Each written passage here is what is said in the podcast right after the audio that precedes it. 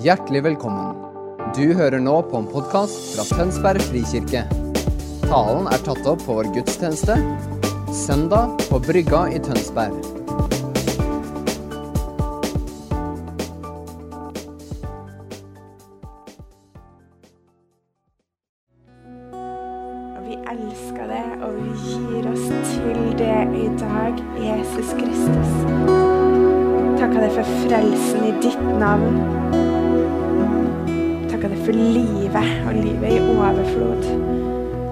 Takker deg for seieren du vant på korset. Da du gikk ned til dødsriket og beseira dødens makt. Og jeg takker deg for at du er en seiersherre. Og vi kan få lov til å legge vårt liv i dine hender.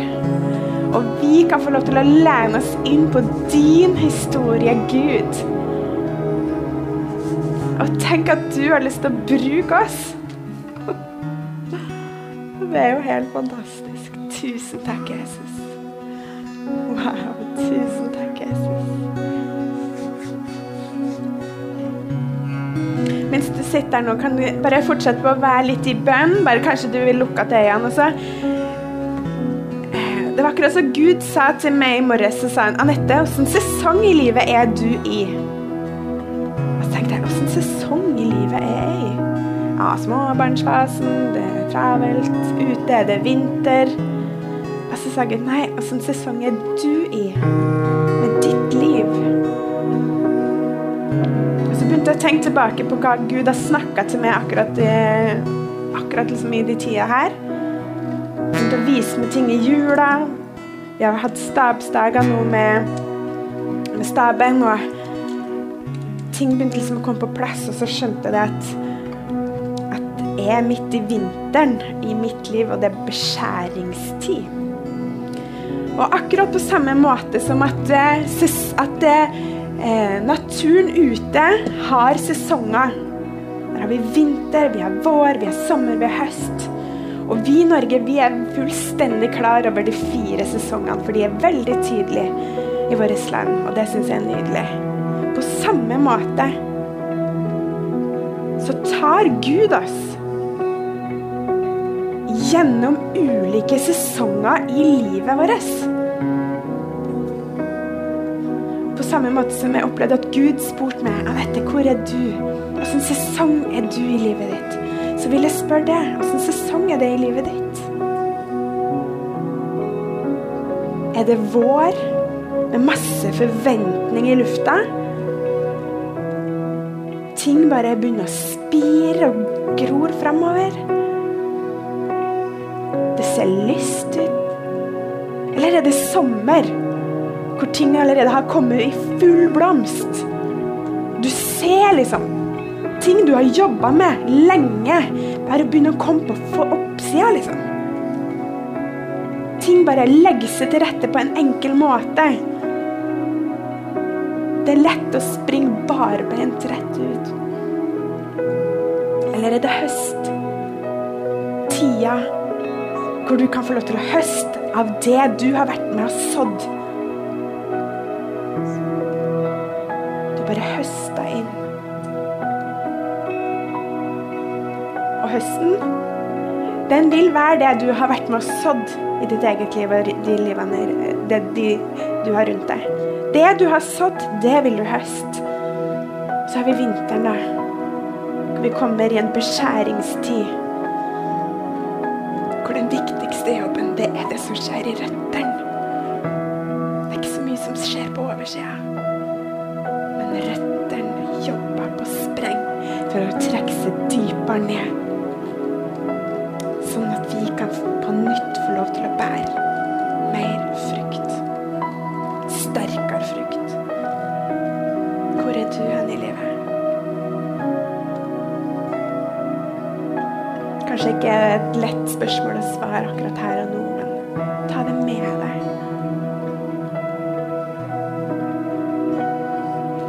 Begynn å se på det Gud sier, og jobbe med det der du er akkurat nå. Han jobber alltid på.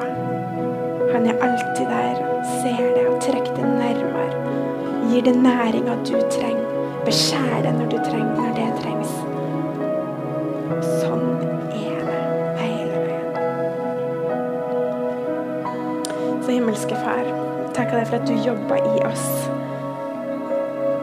Takker deg, Gud, for at du har eh, Du drar oss nær til det, og du har planer med vårt liv. At vi kan få lov til å være med på den store historien som du skriver og gjør. Elsker deg, Jesus. Vi gir vårt liv til deg. Du bare åpner øynene våre og hjertene våre, så vi kan se det du gjør i vårt liv. Med de rundt oss i Jesu navn. Mm.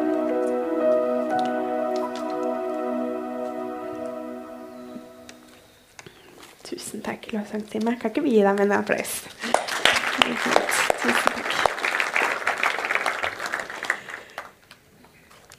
All right. Så fint å være her. Så fint å se alle sammen som er her. Kan ikke du snu deg litt til naboen din og si du ser smashing ut i dag? Ser så bra ut. Eller hvis du ikke kjenner naboen din, så kan du si eh, du ser flott ut. Det er veldig fint å si. Litt mer anstendig. All right. Eh, vi er inne i en serie som Sven Kjetil nevnte, som heter 'Skriv din historie'. Det handler om Guds historie. Og vi tar da utgangspunkt i andre Timoteus brev, og jeg har da fått kapittel tre. Fordi de to foregående talene inn i det året her var det Morten som starta med, i kapittel én, eh, og Eivind talte da over kapittel to. Så skal jeg ta dere i kapittel tre. Og for dere som da har lest og følger med på det vi, vi står i, har lest kapittel tre, og dere tenker 'stakkars Anette'. Ja, det var noen få som hadde lest kapittel tre. Eh, fordi det her er jo det kapitlet hvor eh, alt om fordervelse bare tær fram. Det er, liksom, det er et kort, uh, kort uh, kapittel, men det er egentlig om den vanskelige og forferdelige tida. Men kort fortalt så handla jo da andre Timoteus om perioden Paulus reiser rundt og forkynner evangeliet. Det er akkurat da Roma står i brann, og keiser Nero blir mistenkt for at han står bak brannen. Og han ser etter en syndebukk. Og han la da skylda på de kristne og satte i gang en forfølgelse av dem. Og her, da. Mange blir da korsfesta eller kasta til løvene, og Nero gikk så langt at han forbøy kristendommen. Det er sånn ca. 65 år etter at Jesus døde. Kristendommen blir en bannlyst religion, og Paulus blir anklaga nok en gang. Og dem som da har hatt han for hat tidligere og mislikt han sterkt, dem får han arrestert og plassert i en fangehull i Roma. Og det er her Paulus sitter og skriver brevet til Timoteus. Og Timoteus ser nå fremover, og han antyder at det kommer en vanskelig tid med voksende frafall og ondskap. Og det er ikke tenkt da i en sånn messiansk Altså Messias kommer igjen, og endetiden er nær. Vanskelig tid. Han tenker på her og nå er det vanskelig fordi at nå blir kristne forfulgt. Og nå, folkens, må dere holde dere fast. For ellers så må, kan det gå galt med troa deres. Et voksende frafall og ondskap. Og da skal vi gå inn i vers 10. Jeg skal lese 10, 11, 14 og 15. Og det er jo da de hyggelige versene i kapittel 3. ja. Blir, er, er ikke dere litt sånn nysgjerrige på hva som står nå i kapittel 3? Så mange av dere kommer til å gå hjem og lese det, og det er jo egentlig veldig fint. Mye bedre det enn at jeg skal stå her og preike om det negative, for det er jo ikke så veldig glad uansett. uansett men positive det som er gøy og sånn. Nei da. Ok. Men du har fulgt meg i lære og livsførsel, i holdning, tro og tålmodighet, kjærlighet og utholdenhet. Altså, det her er Paulus som sier det her til Timoteus. Du har fulgt meg i lære og livsførsel, i holdning, tro, tålmodighet, kjærlighet, utholdenhet, og i forfølgelser og lidelser, slik som jeg ble utsatt for i Antiokia og så videre. Men i kapittel 14 står det men du skal holde fast på det du har lært og er blitt overbevist om. Du vet jo hvem du har lært det av. Helt fra du var et lite barn, har du kjent de hellige skriftene, de som kan gi deg visdom til frelse ved troen på Kristus Jesus. Timoteus er jo på en måte den unge lærlingen da, av Paulus. Og Paulus er jo den erfarne. da. Eh, og Paulus er forbildet for Timoteus. Og alt det Timoteus kan å, å, bære på og gjøre på, det har han lært av Paulus. Og det er nå Timoteus sier nå må du holde fast på det du har lært. Og hvorfor skal han holde fast? Jo, for nå kommer det vanskelige tider. Forfølgelse og hardt vær. Og så sier han helt fra du var et lite barn. Paulus refererer her til Timoteus sin barndom, at han allerede fra barndommen av lært å kjenne Kristus. Allerede fra barndommen av så fikk han det inn med morsmelka. Og det er det som vil gjøre han sterk. Skal prøve å trekke dette inn i vår tid i dag. Og Det hadde vært veldig interessant å finne ut av hvis jeg hadde en håndsopprekkelse eller en forska litt på det i vår menighet. For å finne ut av hvor mange av dere som eh, ble frelst, eller hvor gammel du var da du ble frelst, tok imot Jesus, tok en avgjørelse om å følge han. Det hadde jo vært veldig interessant, sant? Statistikken sier det. Barna, eh, George Barna, det er en anerkjent forsker i USA, sier at halvparten av dem som tar imot Jesus som sin herre, gjør det før de er 13 år. Halvparten så hvis vi er sånn statistisk sånn her inne, så er det liksom halvparten av dere tok imot ham før dere var 13 år. Så står det at 64% gjorde det før de var 18. 77 før de var 21. Og så står det også det at de har funnet ut at den prosentandelen som, tok, som har tatt imot Jesus i voksen alder etter 21, de hadde de kunne linke det tilbake til at de hadde en bene bestemor, de var med på søndagsskole, de vokste opp i ei gate hvor det var en kristen familie. De hadde kjennskap til tro på en eller annen måte.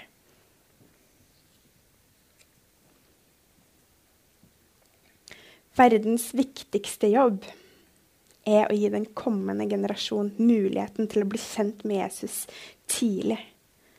Og gi den generasjonen å kjenne de hellige skrifter, som kan gi visdom til frelse, opplæring til, til rettvisning, veiledning og oppdragelse i rettferdighet. Være utrustet til all god gjerning, slik Paulus skriver til Timoteus. Verdens viktigste jobb er å gi den neste generasjonen Jesus å kjenne. Vi er alltid bare én generasjon unna for at alt er borte. Og det er vi som er voksne, vi som sitter her, som må ta det på alvor. Vi må vite at det er vi ikke skal liksom leve for oss sjøl, som postmodernismen sier, men at vi må begynne å se til neste generasjon.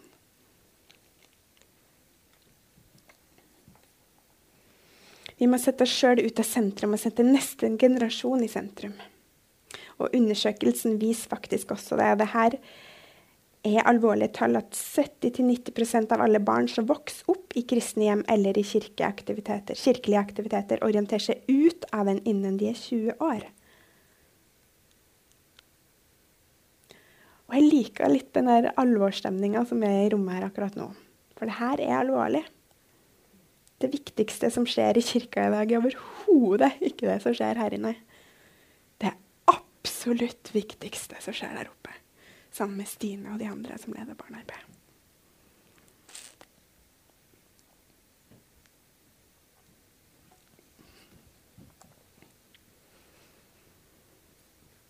Det er dit vi må sette de beste ressursene, de beste folkene, mest penger. Jeg er glad Morten ikke er her.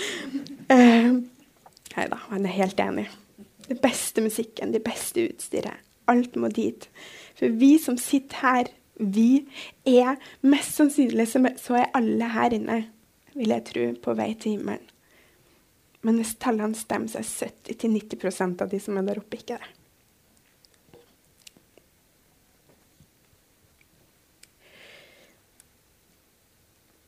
Og så snakka vi litt om det, jeg og Kjetil. Og er kanskje ikke akkurat de tallene så dramatiske for Tønsberg frikirke. Og håper liksom ikke det, da.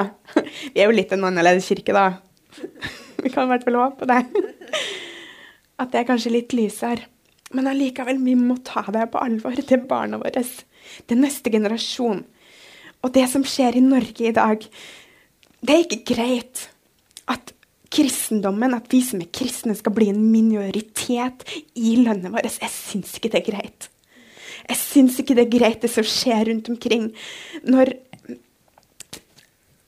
når barna våre må bli skal gå med det her uh, Fotballagene må gå med bånd på som er, er regnbuens fordi man skal vise liksom hvor åpen og fri vi er.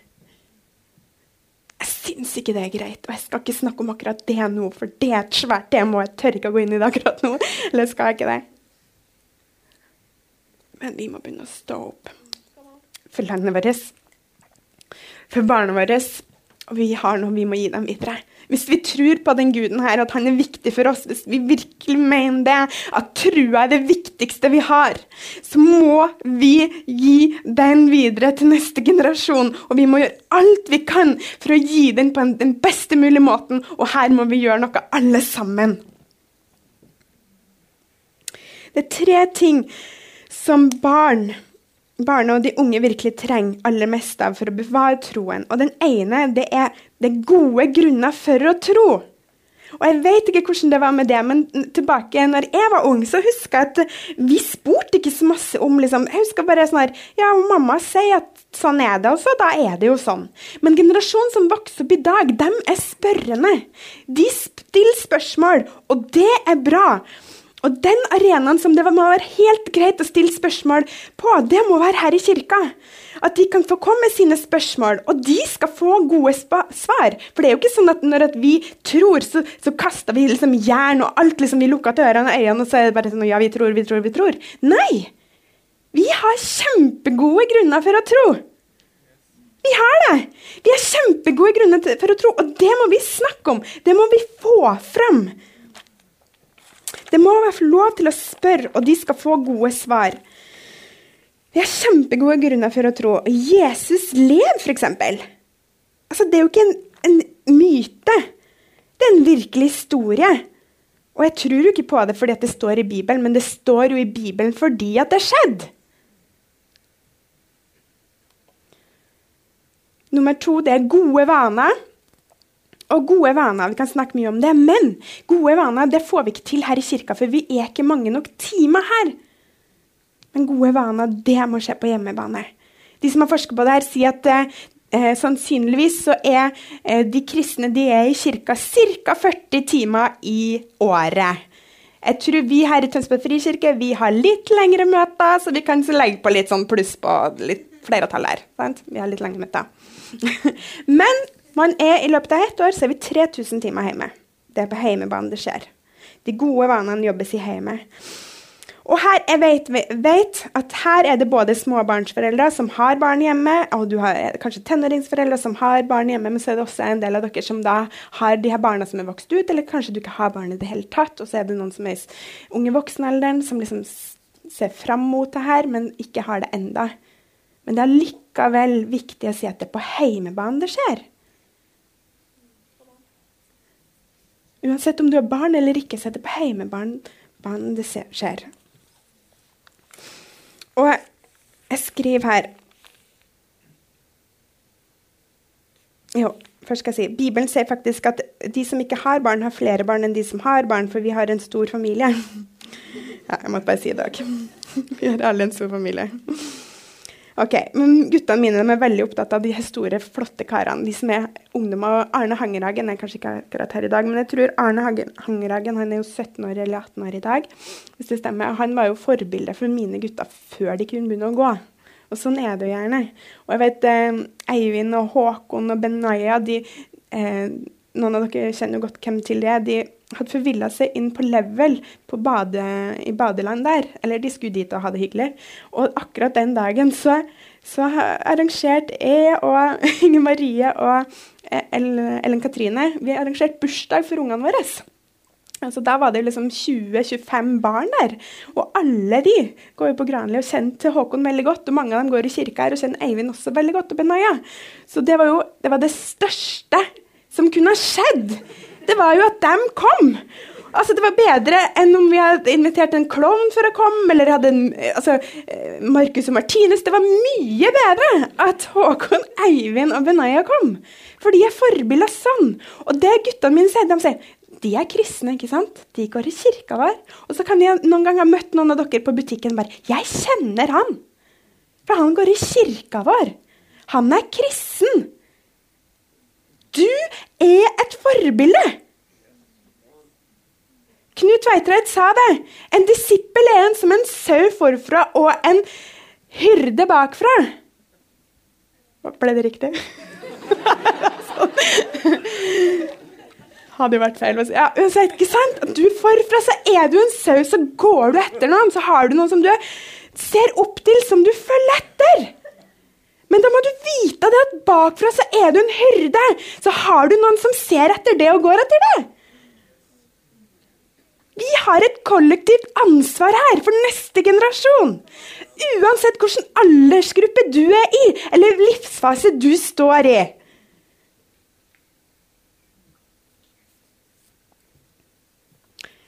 Det var en som sa det at uh, hadde lyst til å trykke opp bilder av alle barna på Kids.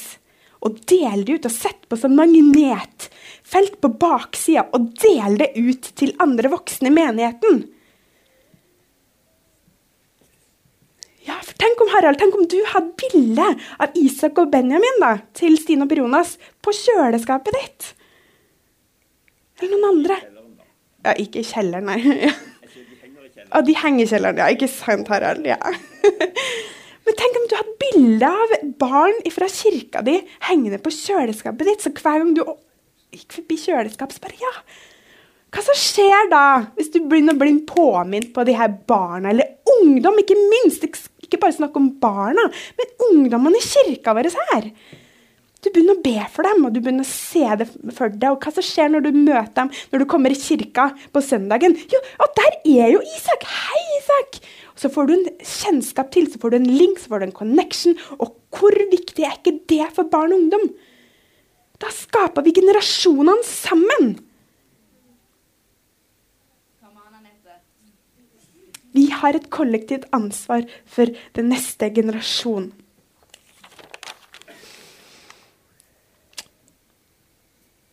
Og her er det liksom så mange ting som skulle liksom, Hva med meg? Jeg har jo ingenting å gi. og skal jeg være et eksemplar for noen andre? Og det skal jo helst være eksemplarisk. Ja, for et eksemplar skal jo helst være eksemplarisk eksemplar. Det er jeg helt enig i. Og, men hør her, det er snakk om heil ved.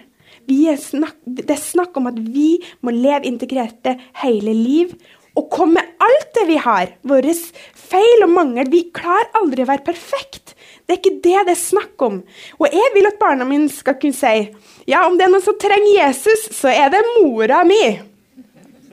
Fordi hun kjenner jeg mye mer enn om de sier er det noen som virkelig tror at hun er mer enn hun egentlig er, så er det mora mi, for hun kjenner jeg. Jeg trenger Jesus, jeg. Og det er helt greit at ungene mine vet det.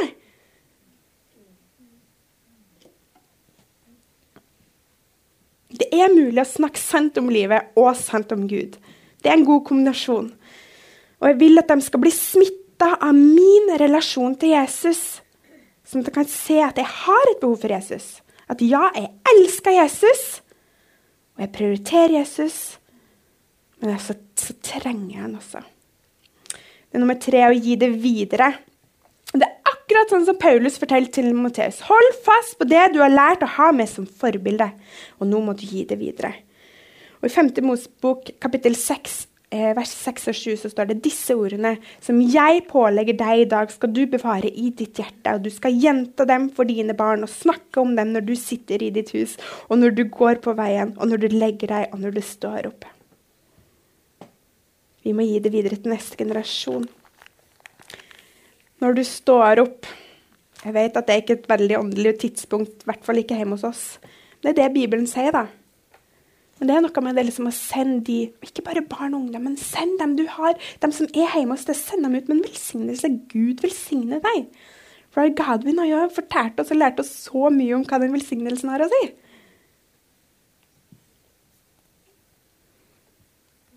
Når du sitter i ditt hus, står det Hjemme jobber vi veldig masse med kulturen i hjemme. Det skal være godt å være hjemme. Hvordan er det å komme hjem til det? Nå snakker jeg til alle, liksom. Åssen er det å komme hjem til deg?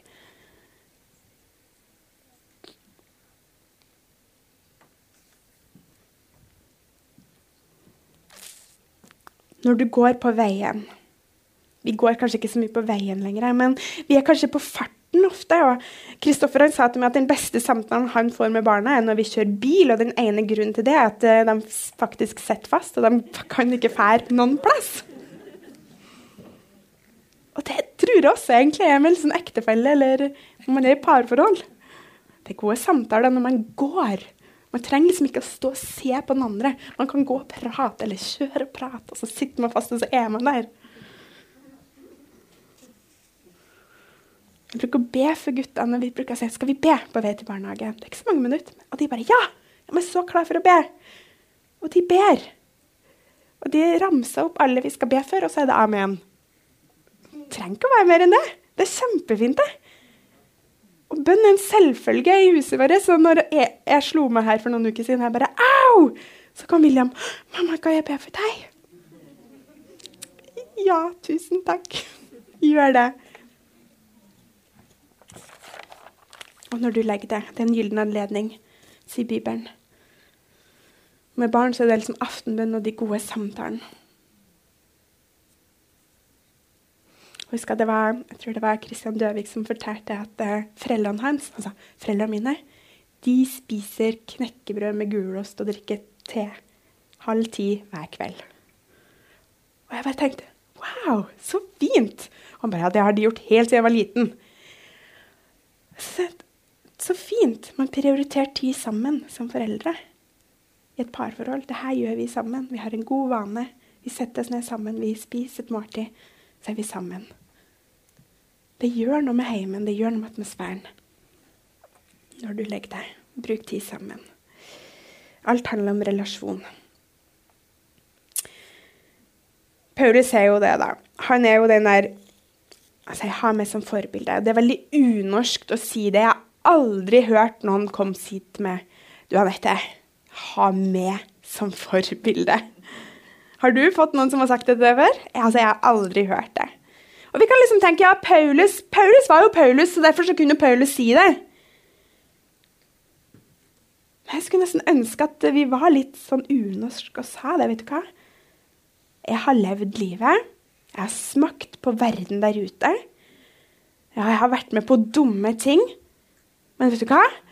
Jeg har gått til Gud med det. Og midt i all nød og trengsel og fordervelse og alt det vonde som har skjedd, så har jeg funnet Gud. Og han er den jeg trenger. Og han er den jeg støtter meg til. Ja, så får ikke alt til, til her i livet. Men Gud, han trenger ha med seg forbilde.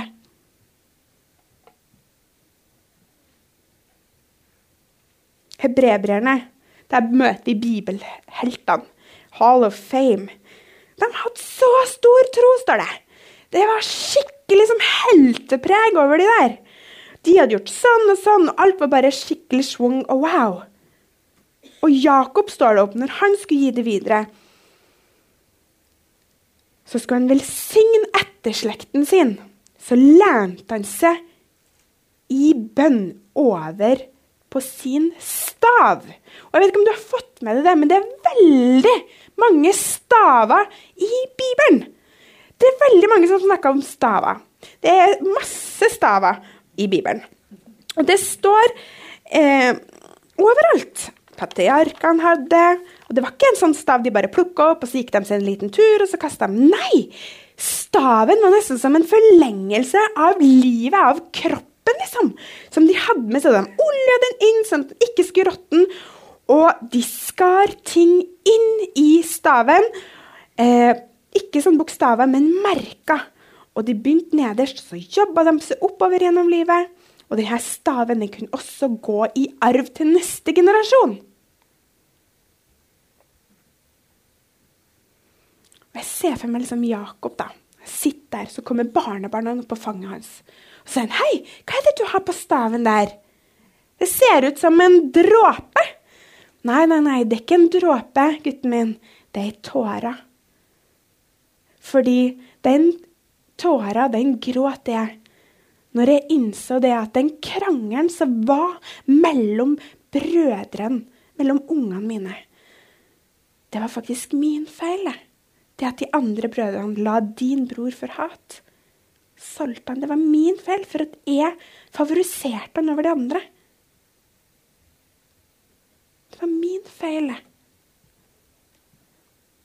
Jakob går til Gud.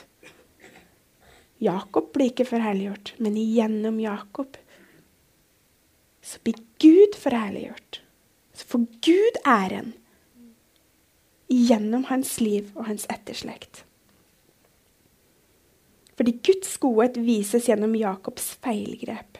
Det som er sant om Jakob, er sant om Gud. Vi må legge ned vårt eget liv på samme måte som Moses. Moses hadde ikke lyst til å gå. Han meldte seg virkelig ikke fri, eh, frivillig. Gud kalte Moses til å lede og stikke nesa si fram og være synlig. Han sa til og med at ditt forhold til meg skal være et forbilde for barna i Israel, og at du skal gå til farao. Og Moses, jeg tror du tar feil. Eh, kanskje du mener broren min. Eh, han er kanskje litt lenger ned på lista. Hva måtte Moses gjøre med staven sin? Han måtte legge ned staven. Han måtte legge ned livet sitt.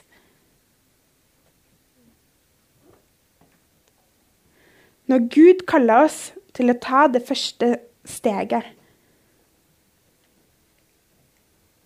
Når Gud kaller oss til å ta det første steget være synlig, så må vi legge ned livet vårt først. Og Moses legger ned staven sin, og husker dere hva den ble til? Han la den ned, og så ble den til en slange. Og hva var det Moses sa? Se! Det var akkurat det jeg sa! Det er det livet mitt er! Livet mitt er en slange! Altså, Det er det det handler om. Jeg kan ikke gå, for sånn er jeg. Det ser du. Og Gud sier Eller det han sier, da, Moses sier. Jeg er jo en morder. Jeg har jo gjort så masse feil. Jeg kan ikke gjøre det her. Hvor mange her inne har ikke opplevd det samme? At du har tenkt 'jeg har ikke nok', 'jeg kan ikke', 'jeg er ikke god nok'. 'Jeg har ikke det som trengs'. Se på livet mitt. Det er jo et kaos. Jeg får jo ikke til verken det ene eller det andre. Hvordan kan du bruke meg, Gud? Da hadde Gud sagt det er nettopp det jeg skal bruke, gutten min. Det er nettopp derfor jeg kan bruke det. Fordi gjennom din styrke, nei, gjennom din svakhet, så skal jeg komme og være sterk.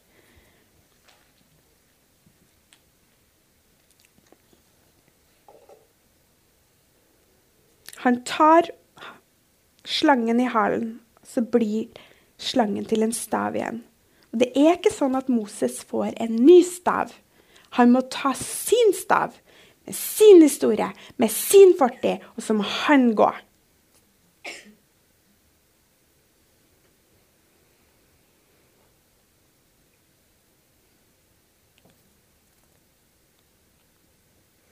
Barn og unge må få se hva vi har i vårt liv, din historie.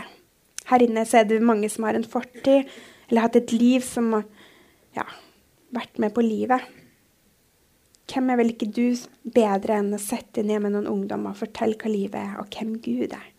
Ingen over, ingen ved siden. Spørsmålet er ikke om du har en plass i barne- og ungdomsarbeidet i kirka. Spørsmålet er hvilken plass du har i barne- og ungdomsarbeidet i kirka vår. Og noen har en gave hvor de kan sette seg ned i en liten gruppe og fortelle om livet. En opplevelse av at en far som var fjern, en mor som ikke var til stede.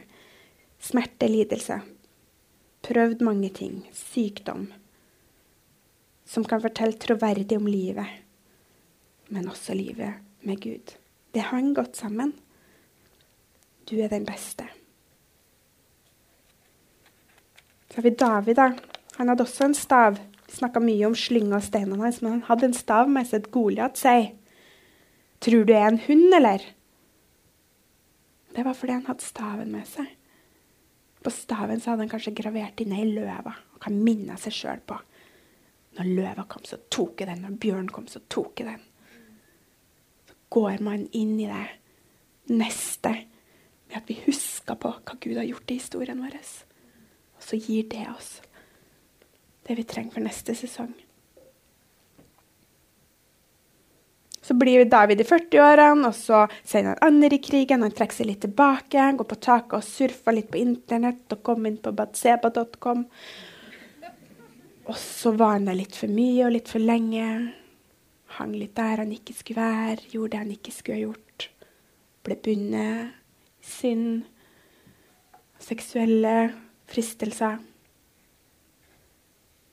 Så var det heldigvis en som så det her, da, som sa hei, David. Livet ditt. Du er bedre enn som sa. Og han anerkjente. Ja, det er sant. Og han fikk kraft til å komme seg ut av det. Fordi han tørte å gå i motsatt retning. Hva gjør vi med sånne bindinger som er negative? Det gjør, Når vi har de her bindingene, så gjør det det at vi ikke tør å stikke nesa fram. Vi lukker munnen, vi trekker oss tilbake, vi blir utydelige. Og dermed så står en hel generasjon og sier jeg, jeg vet ikke, jeg ser ikke det. Jeg vet ikke hva jeg skal gjøre, hvor jeg skal gå. Fordi vi har parkert oss sjøl. Men vi må tørre å stå fram og tørre å gå og tørre å være synlig. David han snur, han innrømmer. Han har et gudsbilde som er på plass, og han vet at dersom han er ærlig med Gud, så er Gud god. Og han er jo da, det her er jo David han ber jo hele tempelkoret på 200 menn synge om alle syndene hans. Altså, Jeg tror ikke det er veien å gå for oss her. Det kan være nok at du bekjenner det som holder deg tilbake, synd eller hva det måtte være som holder deg tilbake, så bind det fast. Du bekjenner det for én som du har tillit til. Sånn at du kan sette, komme inn i frihet. Sånn at du kan begynne å bli ærlig med ditt liv og leve helt. For livet ditt er så verdifullt. For Gud han skal bruke det inn i sin historie. Han gjør det. Og alt vender om til det gode for den som elsker Herren. I alle ting. Ikke kast bort det bortkasta i livet ditt. Bruk det for alt det er verdt.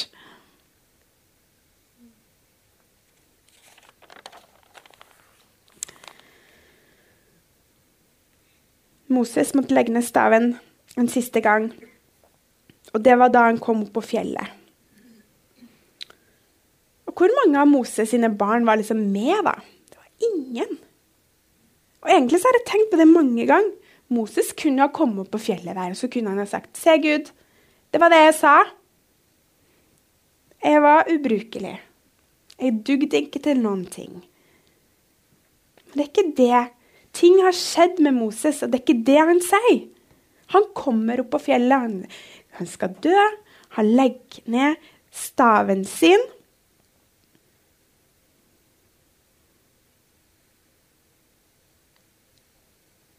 Han visste at historien ikke var ferdig fortalt. Hvis du skulle være her og kjenne på at barna mine eller de rundt meg er ikke på vei mot dit jeg ønsker at vi skulle ha vært, eller de er ikke der jeg skulle ønske de var, så skal du ikke gå til angrep på det sjøl, for det er så lett å gjøre det. Og tenke på hva du gjorde feil, eller hva er galt med det jeg har gjort. Jeg var ikke frimodig nok. Nå har toget gått. Men hør på meg, toget har ikke gått. For historien er ikke ferdig fortalt. Våre bønner, de lever. Besteforeldrene våre sine bønner lever. Ok, Så har du kanskje ikke vært frimodig fram til nå, da, men så begynn å være frimodig nå. Det er aldri for seint. Og har du ting du gjemmer på, så få det ut nå. Fordi det er en generasjon der etter oss som trenger det. Som trenger at vi er ærlige med livet vårt. Som trenger å vite hva det betyr å gå med Jesus i hverdagen på akkurat den arbeidsplassen som du er, i det nabolaget du jobber i. Som, som kjenner på tvil innimellom, som kjenner på at det er tungt å tro, men allikevel henger seg og klinger seg på Gud. Som syns ting er utfordrende, men tar med Gud på laget uansett. Troverdige, ekte, levde liv.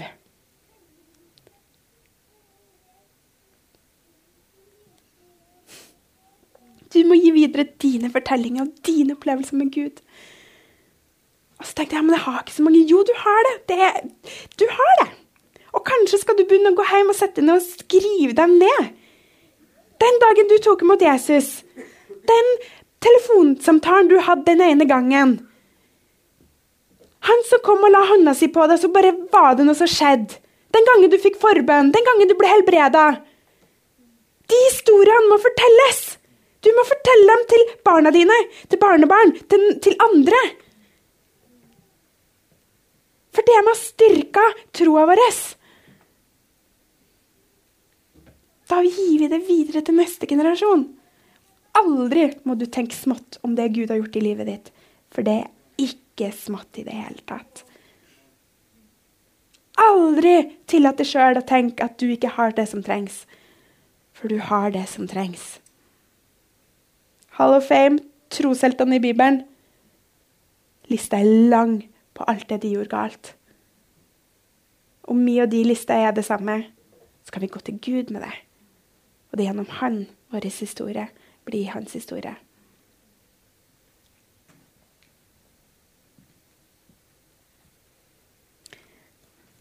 Lovsangerne, dere kan komme opp.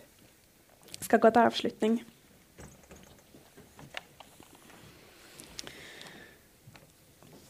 Hvis du er her og du kjenner at det hadde vært fint å få noen til å be for meg på akkurat det området, her, lyst, lyst til å bli mer frimodig, har lyst til å bli mer fri, eller hva det måtte være, så jeg har så lyst til at uh, Ikke tenk på liksom at hvis at du det her er sånn typisk at ja, Hvis jeg går fram til forbud nå, så tror sikkert alle at, det, at jeg har vært på batseba.com.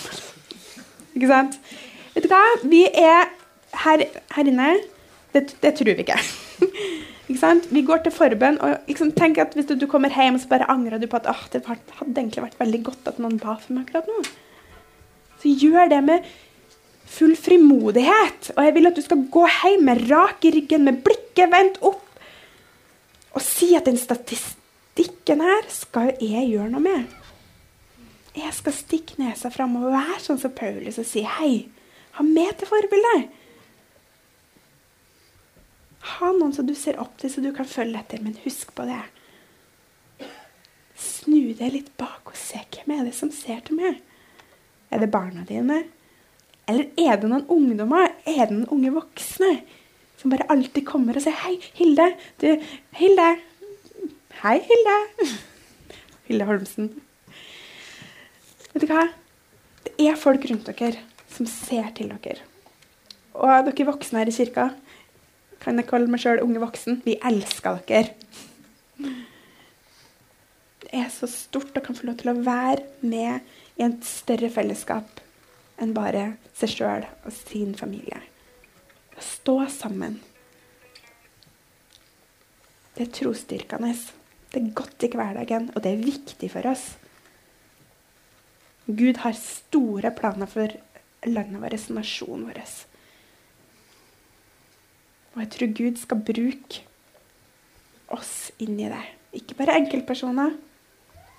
Han skal bruke oss som kristne fellesskapet i Norge til å reise oss opp.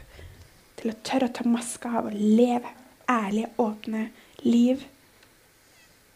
full frimodighet av blikket festet på Jesus Kristus som troens opphavsmann og fullender. Med frimodig del om det som vi har erfart og lært. Vi har en generasjon som trenger oss. Vi har et land som vi skal se gå framover. Om 10 år, om 20 år, så skal vi se at statistikken er annerledes. Det må vi gjøre noe med i dag. Så da kan vi reise oss. Skal jeg bare be?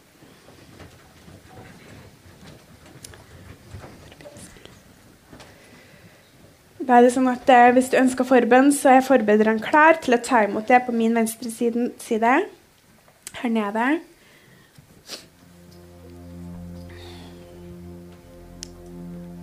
Jeg skal inn i lovsang nå. og vil at du skal bare bruke litt tid nå. Bare på Se for deg Jesus stå foran deg og takke han for alt det han har gitt deg. Takke han for at uh, For livet han har gitt deg det. At han alltid har vært der. Kanskje er du her og har kjent på sykdom. Kjent på sykdom allerede nå. Smerter, lidelse, ting som er vanskelig. Jeg bare oppmuntre deg til å ta det til Gud. Og han har sagt at han skal gå med oss. Og han går foran oss og bak oss. Han er på vår venstre side på vår høyre side. Og gjennom dødsskyggens dal, da står han der, og han går sammen med oss. Han skal gi oss hvile og trøst. Midt i det vi står i.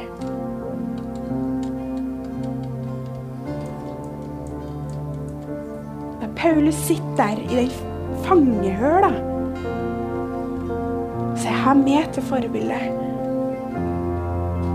Hold fast på troen når ting blir vanskelig. Hold fast når det stormer, på det du fikk da du var liten, og gi det videre til neste generasjon.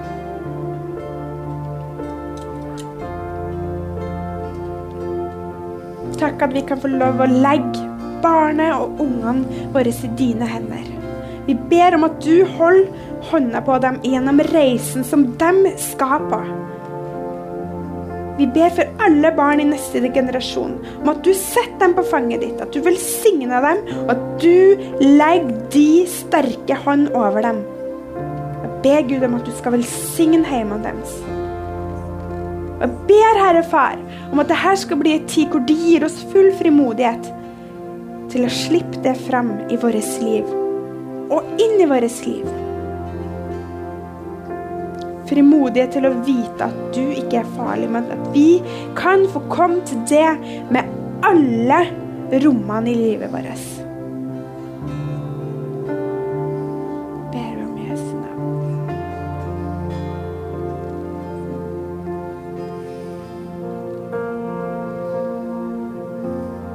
Takk, Gud, at du skriver din historie. Den vil vi ikke miste ut av synet.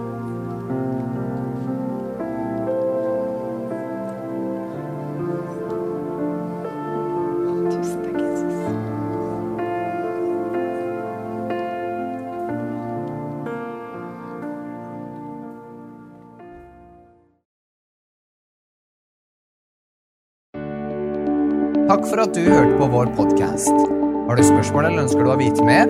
Søk oss på vår nettside tonsbergfrikirke.no. Du er også velkommen til kirke på Brygga i Tønsberg.